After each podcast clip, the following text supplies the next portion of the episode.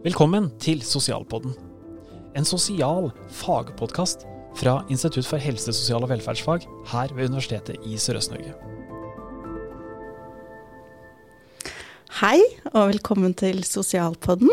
I dag skal jeg, Susanne Hagen, snakke med Jon Reiersen. Jon er ansatt ved USN, og du Jon, i dag så skal ikke vi egentlig snakke om inntekt og helse? Jo, det er det vi skal prøve å gjøre.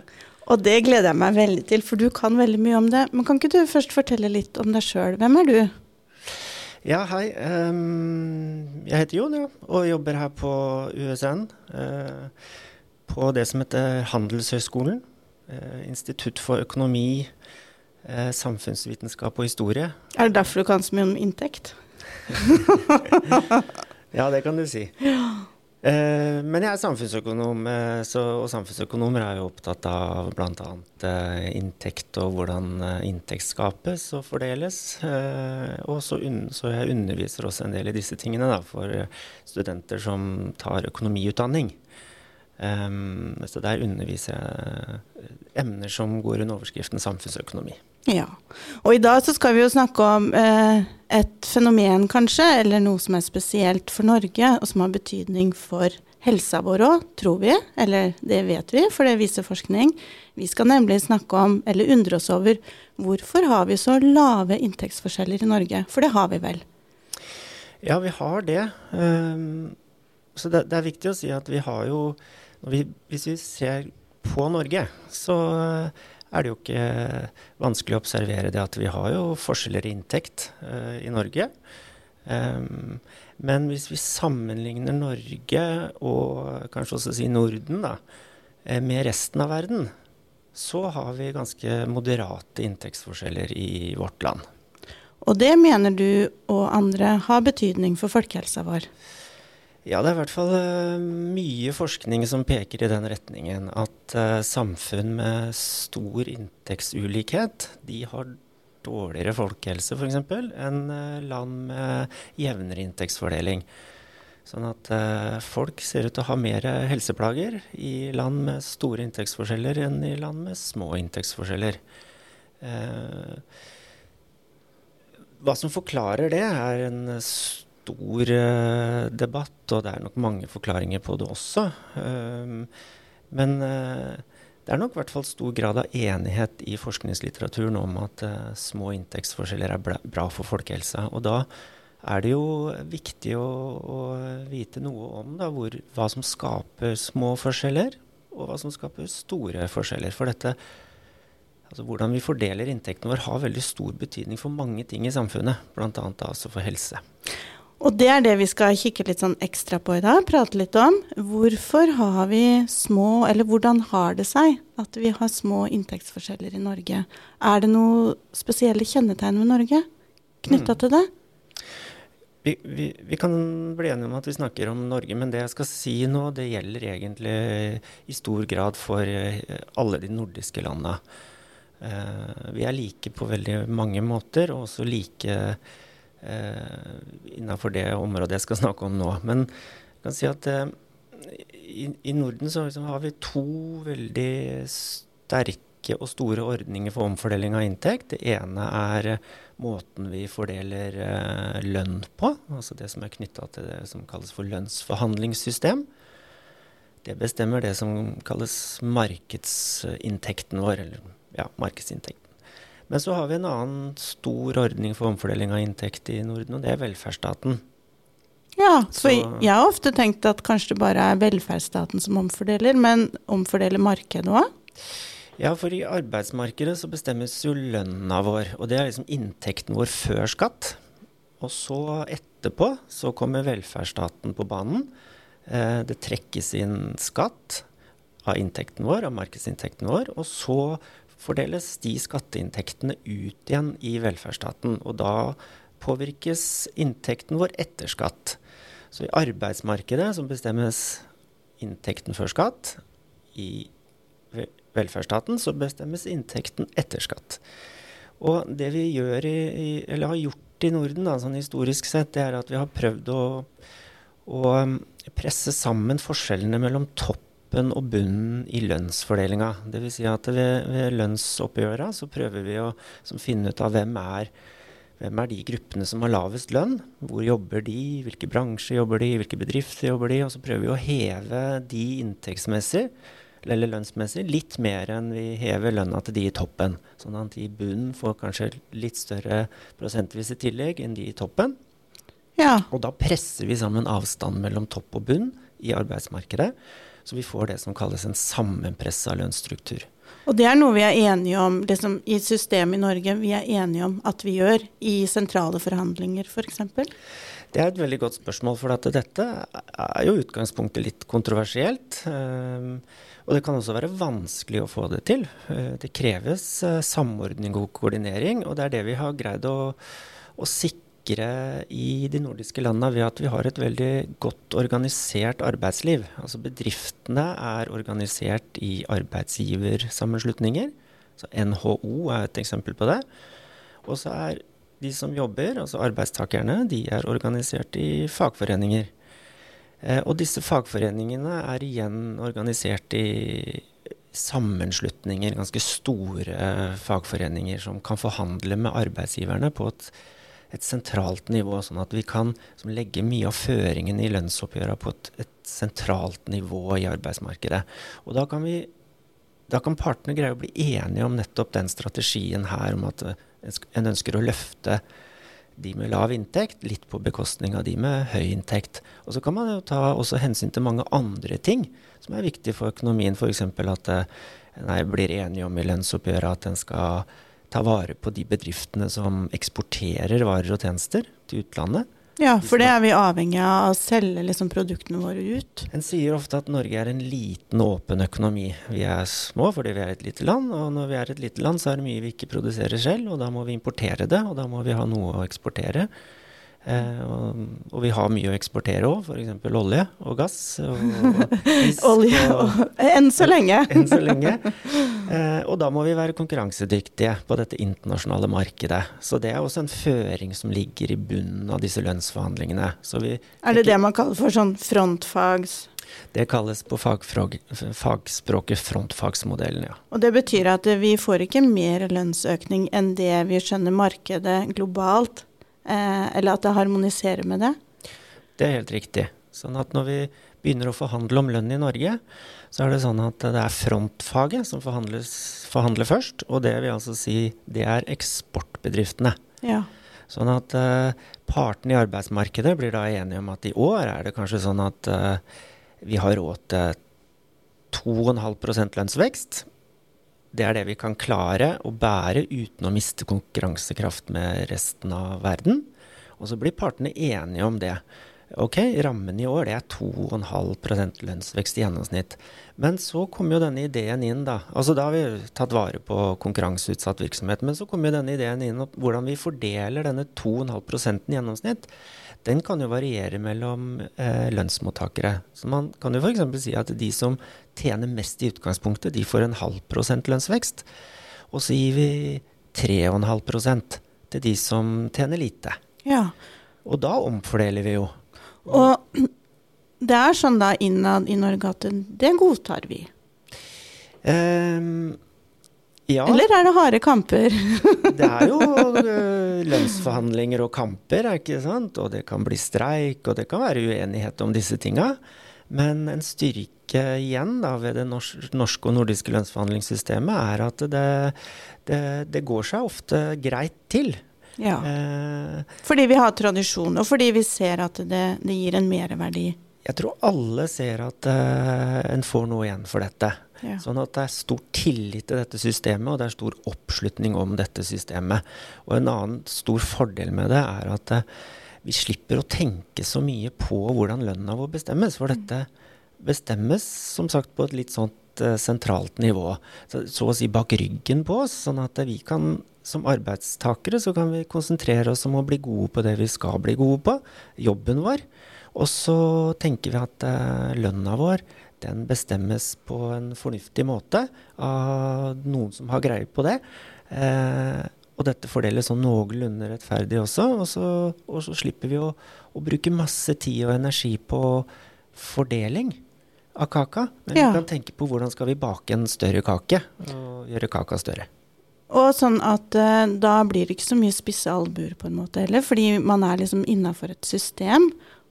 Og, men er det også litt sånn at eh, ja, man fordeler liksom mellom ulike sektorer på en måte, da, sentralt, men samtidig så er det jo også en type fordeling innad på en arbeidsplass, fordi man følger litt de samme prinsippene der òg. Mm. Ja da, så vi, vi ser at det er um, i, I Norge og Norden så er det små lønnsforskjeller internt i virksomheter. Uh, det er det internt i bransjer, og det er det, og det, er det på nasjonalt nivå. Så Vi får kan- to looper på en måte, da. det gjør vi. Ja. Uh, sånn at en kan si, si- Litt sånn enkelt så kan man si at, at fagforeninger da, som er opptatt av at det ikke skal være for store forskjeller, de, hvis, de, hvis de har makt til å kunne fordele eller påvirke inntektsfordelinga i en bedrift, så vil de jobbe for at det skal være små forskjeller i bedriften.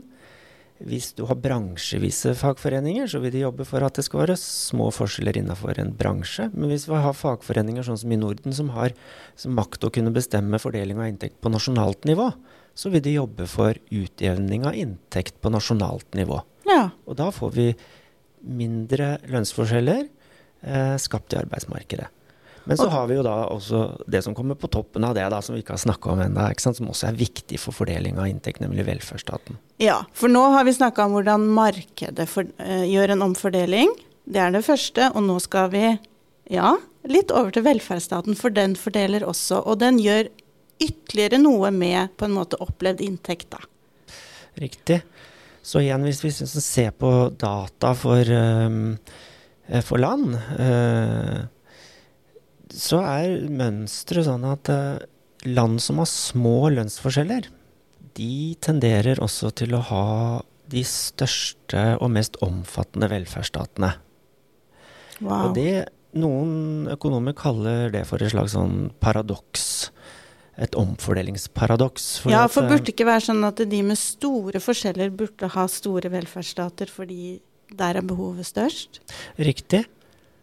Sånn at den kunne jo sånn, tro at i USA, da, som har Der, er, der har de liksom veldig desentralisert lønnsfastsetting.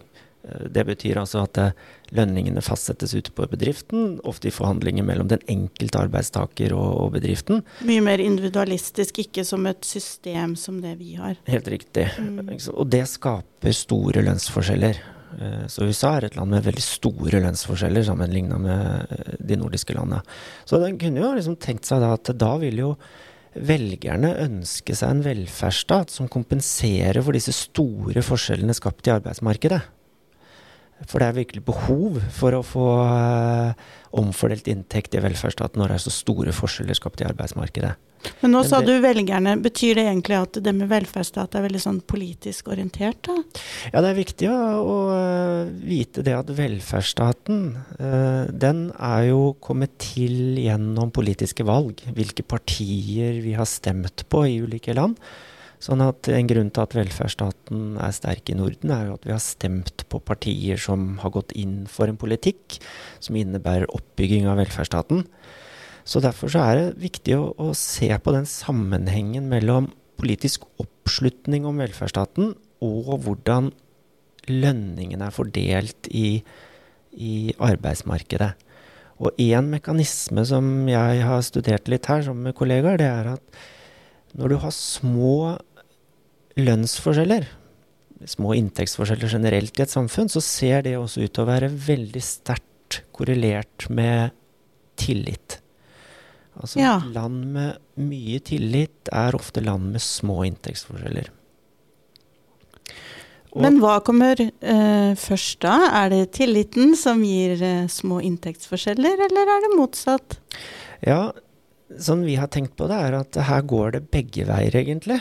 At Ja. her uh, vil det lett oppstå en sånn uh, snøballeffekt, eller en uh, multiplikatoreffekt, som økonomen ofte kaller det. At små inntektsforskjeller, det gir et sosialt grunnlag for tillit. Altså hvis det er små Føler man seg likere? Er det det? Ja, eh, her er det nok mange mekanismer, men f.eks. når det er små forskjeller, så, sånn som i Norden, så um, går vi på de samme skolene. Eh, Vi uh, får uh, helse og omsorg på de samme sykehusene. Uh, vi bor i de samme nabolaga, vi spiller på det samme fotballaget, uavhengig om du har høy eller lav inntekt. I, og da får vi en slags sosial identifikasjon. Vi føler at vi har tilhørighet til hverandre, da? At vi også relaterer oss til hverandre og identifiserer oss litt? Riktig. Ja. Mm. Mens i land med store inntektsforskjeller, så er det jo sånn at de rike bor i rike områder, og de fattige bor i fattige områder. De omgås ikke hverandre. Fordi inntekten gjør at man faktisk kan eh, velge seg vekk, da, eller eh, hvis man har veldig mye penger og et sted, så kan man liksom lage sine egne skoler, f.eks. Riktig. Så det bli større avstand mellom folk. Mm. Og det bryter ned tilliten, den sosiale tilliten. Eh, så små inntektsforskjeller ser ut til å være veldig bra for tilliten i samfunnet. Og det er klart at velferdsstaten hviler veldig tungt på tillit. For at uh, hvis vi som velgere skal stemme på en politikk som innebærer oppbygging av velferdsstaten, så må vi stole på for det første at uh, hvis vi betaler skatt til myndighetene, så må vi stole på at de faktisk bruker disse skatteinntektene på en fornuftig måte, bygger velferdsstatsgoder som vi nyter godt av. Og så må vi stole på at uh, skattesystemet er rettferdig, vi må stole på at uh, våre medborgere betaler sin skatt som de skal, og ikke misbruker velferdsstatstjenester. Og når denne tilliten er på plass, så øker den politiske oppslutninga om velferdsstaten. Og velferdsstaten omfordeler ytterligere inntekt, uh, og skaper mindre inntektsforskjeller, og det bidrar til å vedlikeholde og styrke tilliten som igjen skaper større politisk oppslutning om omfordeling. Det blir jo veldig en sånn type positiv synergi, da. Det gode riktig. avler det gode, som avler det gode igjen. At det er en god loop, vil riktig. du si det? Det er en god loop. Det er en, liksom en god eh, ja, en god sånn, sånn eh, multiplikatorprosess. En, en, en, snøball som ruller i en retning som innebærer Som blir en snømann, rett og slett. Som blir en stor snømann. I motsetning til det vi snakka om der det er store forskjeller, så kan den uh, rulle andre veien, da? Da kan den rulle andre veien. Sånn at da får man uh, uh, en situasjon hvor stor ulikhet bryter ned tilliten. Og når tilliten blir eh, brutt ned, så svekkes oppslutningen om omfordelingsmekanismer i samfunnet, som skaper større ulikhet, mindre tillit, og da går dette motsatt vei. Men så. det her er ganske komplisert, for det handler jo både om samfunnsstrukturer, tilgang på ressurser, men òg menneskelige faktorer. da. Hvordan vi er som mennesker oss imellom. Helt riktig. Og sånn at det, det vi har snakka om nå, er jo ting som liksom er en slags historisk forklaring på hvorfor de nordiske landene og Norge har små inntektsforskjeller og mye tillit. Dette har gått over veldig mange år, liksom generasjoner, fra 1950-tallet og fram til i dag. Eh, og så har man andre land som har utvikla seg litt i, i motsatt retning. Igjen så kan det være kanskje litt sånn pedagogisk å, å, å sammenligne USA og, og, de nordiske landene. For vi er jo på mange måter land som er veldig like hverandre. Vi konkurrerer på det samme internasjonale markedet. Vi har tilgang til den samme teknologien. Vi har utdanningssystemer som er ganske like. Vi har en kultur som på mange måter er ganske lik. Men så er vi ekstremt forskjellige når det gjelder hvordan inntekten fordeles i landene våre, og også den sosiale tilliten. Så at USA er kjennetegna med veldig store inntektsforskjeller, lav sosial tillit, mens Norden er kjennetegna av det motsatte. Liten grad av forskjeller sammenligna med USA i hvert fall, og, og veldig høy sosial tillit. Og det her er jo noe jeg tenker at vi må være veldig sånn stolte og fornøyde med, at vi har systemer som fungerer på den måten. Men ser du noen trusler i forhold til både hvordan vi utvikler lønnspolitikken vår, og hvordan vi organiserer velferdsstaten vår? Ja, det er jo mange trusler eh, her som en bør være oppmerksom på, men samtidig er det også viktig å si at dette systemet har fungert godt og virker ganske eh, stabilt. Men det er klart det er noen trusler her, og vi kan peke på noen. En, trussel er jo f.eks. at eh, systemet kan bli litt offer for sin egen suksess. Hvordan da? Eh, ved at hvis vi igjen tenker tilbake på hvordan lønningene bestemmes uh, i Norge, så sa vi jo det i stad at, At den gir ofte høyere prosentvise tillegg til de i bunnen av inntektsfordelingen, og så holder man de på toppen litt igjen. Uh, og de på toppen, det er gjerne de vi kaller for middelklassen. Uh, de i midten. De i midten, eh, ja. Eh, og det norske systemet har vært basert på en slags utbytting av middelklassen. Eh, sånn at man har løfta bunnen ved å holde liksom middelklassen litt tilbake.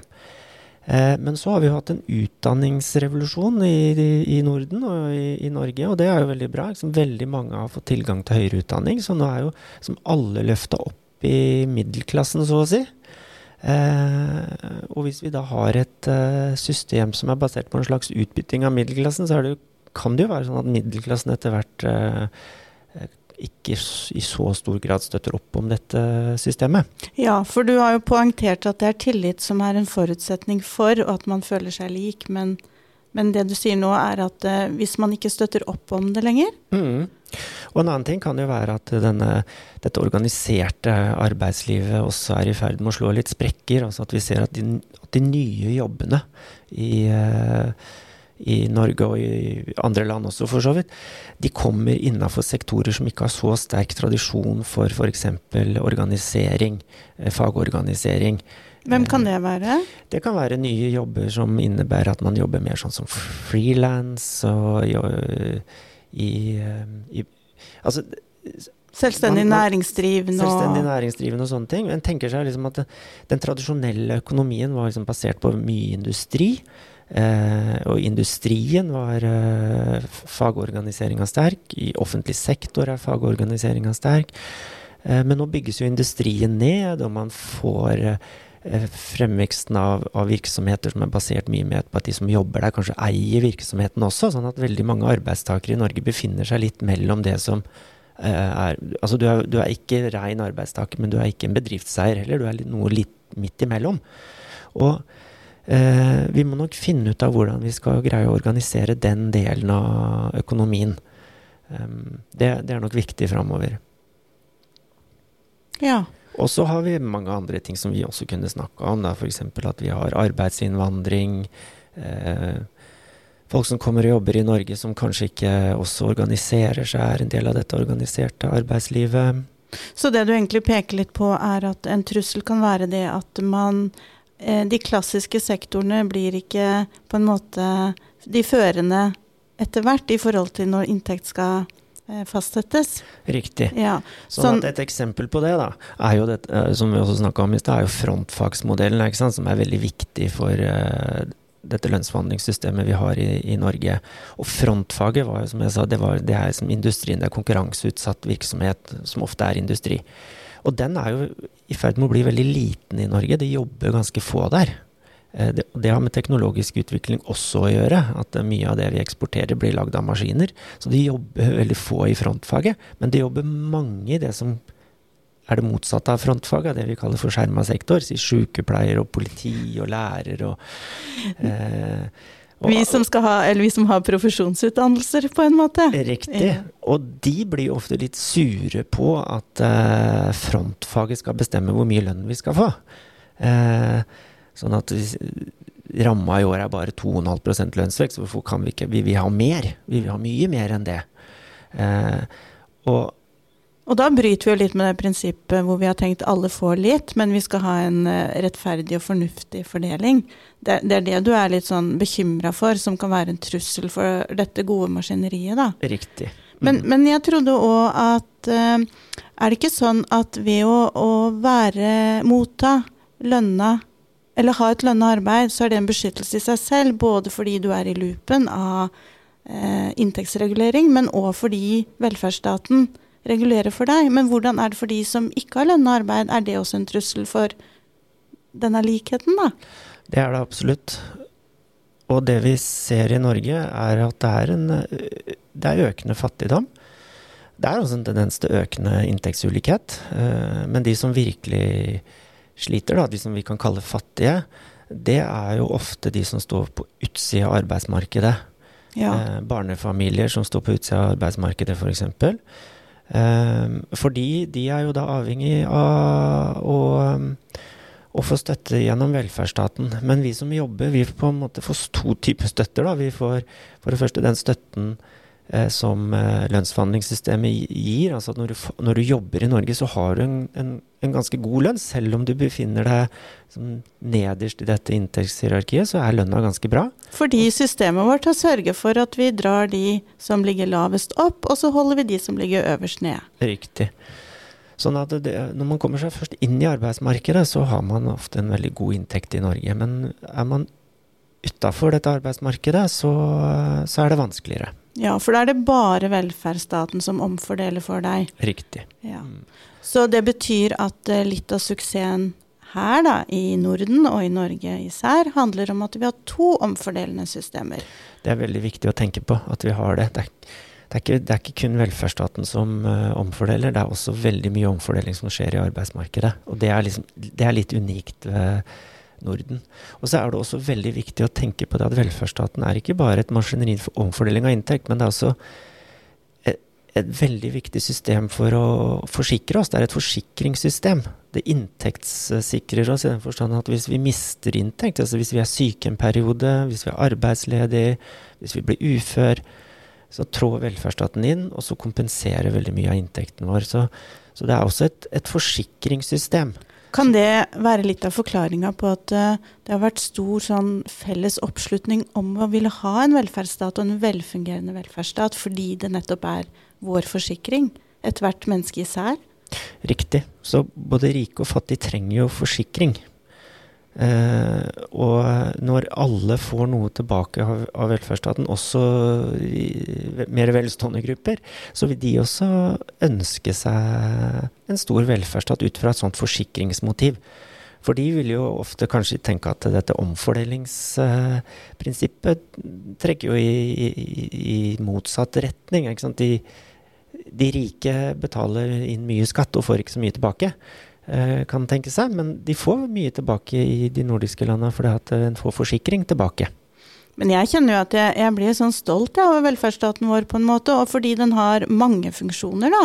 Ikke sant? Den, den, og det betyr òg at uh, de fleste mennesker kan føle seg ganske trygg og sikker ved å være omslutta av et sånn type system.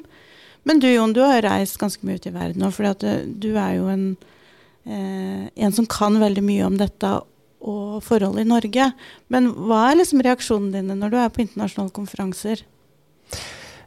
Ja, når jeg snakker om sånne ting som dette eh, internasjonalt, møter kollegaer fra andre deler av, av, verden, så er det ofte to, to, reaksjoner jeg får. Det ene er um, at de syns dette her er uh, litt vanskelig å forstå. Uh, for økonomer tenker ofte på at det er en, en en innebygd konflikt mellom fordeling og effektivitet. Altså vil si at hvis vi omfordeler mye i, i et samfunn, altså så å si ta fra de rike og gir til de fattige, så svekker det liksom motivasjonen til å ta utdanning og til å spare og til å stå på. For du blir beskatta hele tida.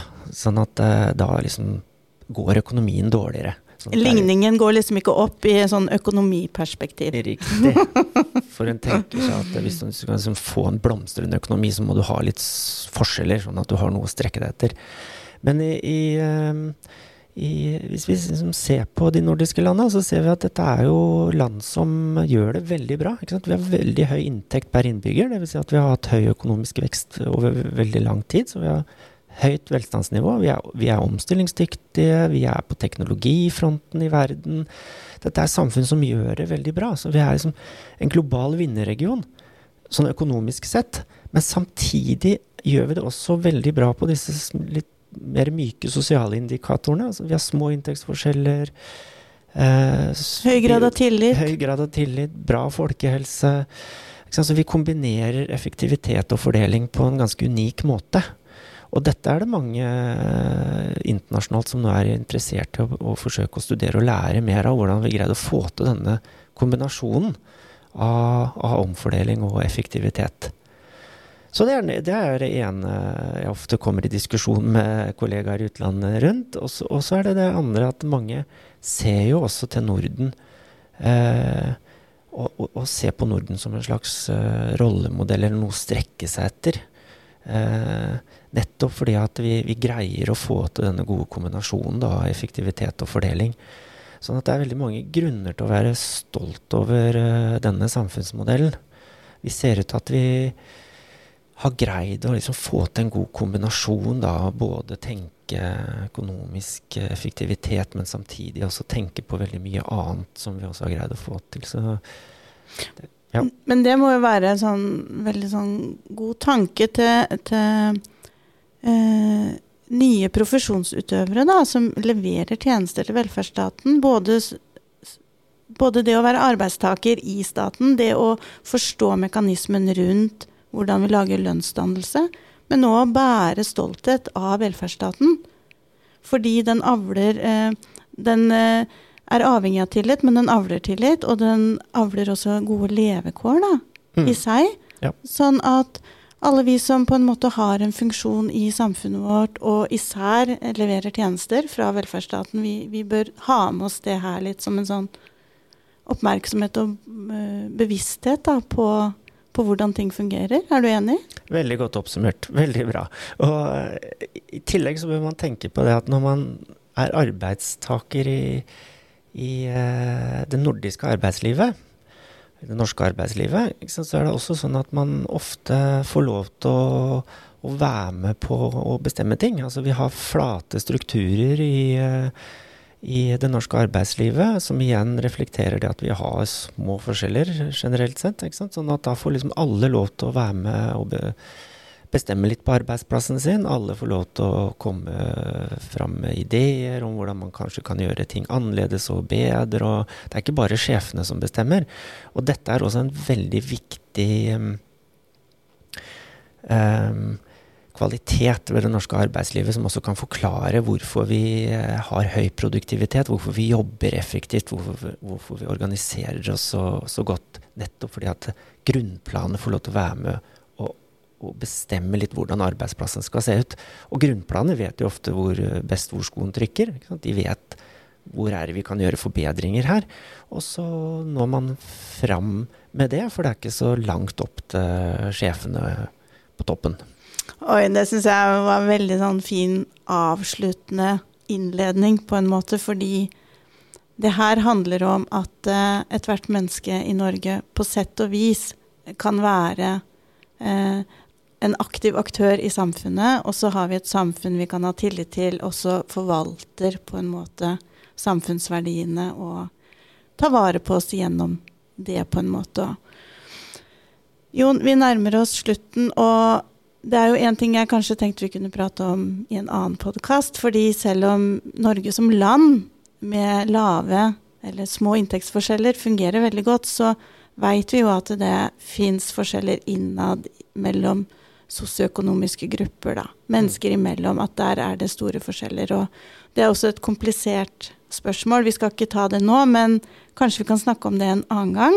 Nå skal vi bare konstatere at uh, Norden og Norge er et uh, godt sted å være takket være systemer for lønnsforhold uh, og velferdsstaten vår. Takk. Takk skal du ha.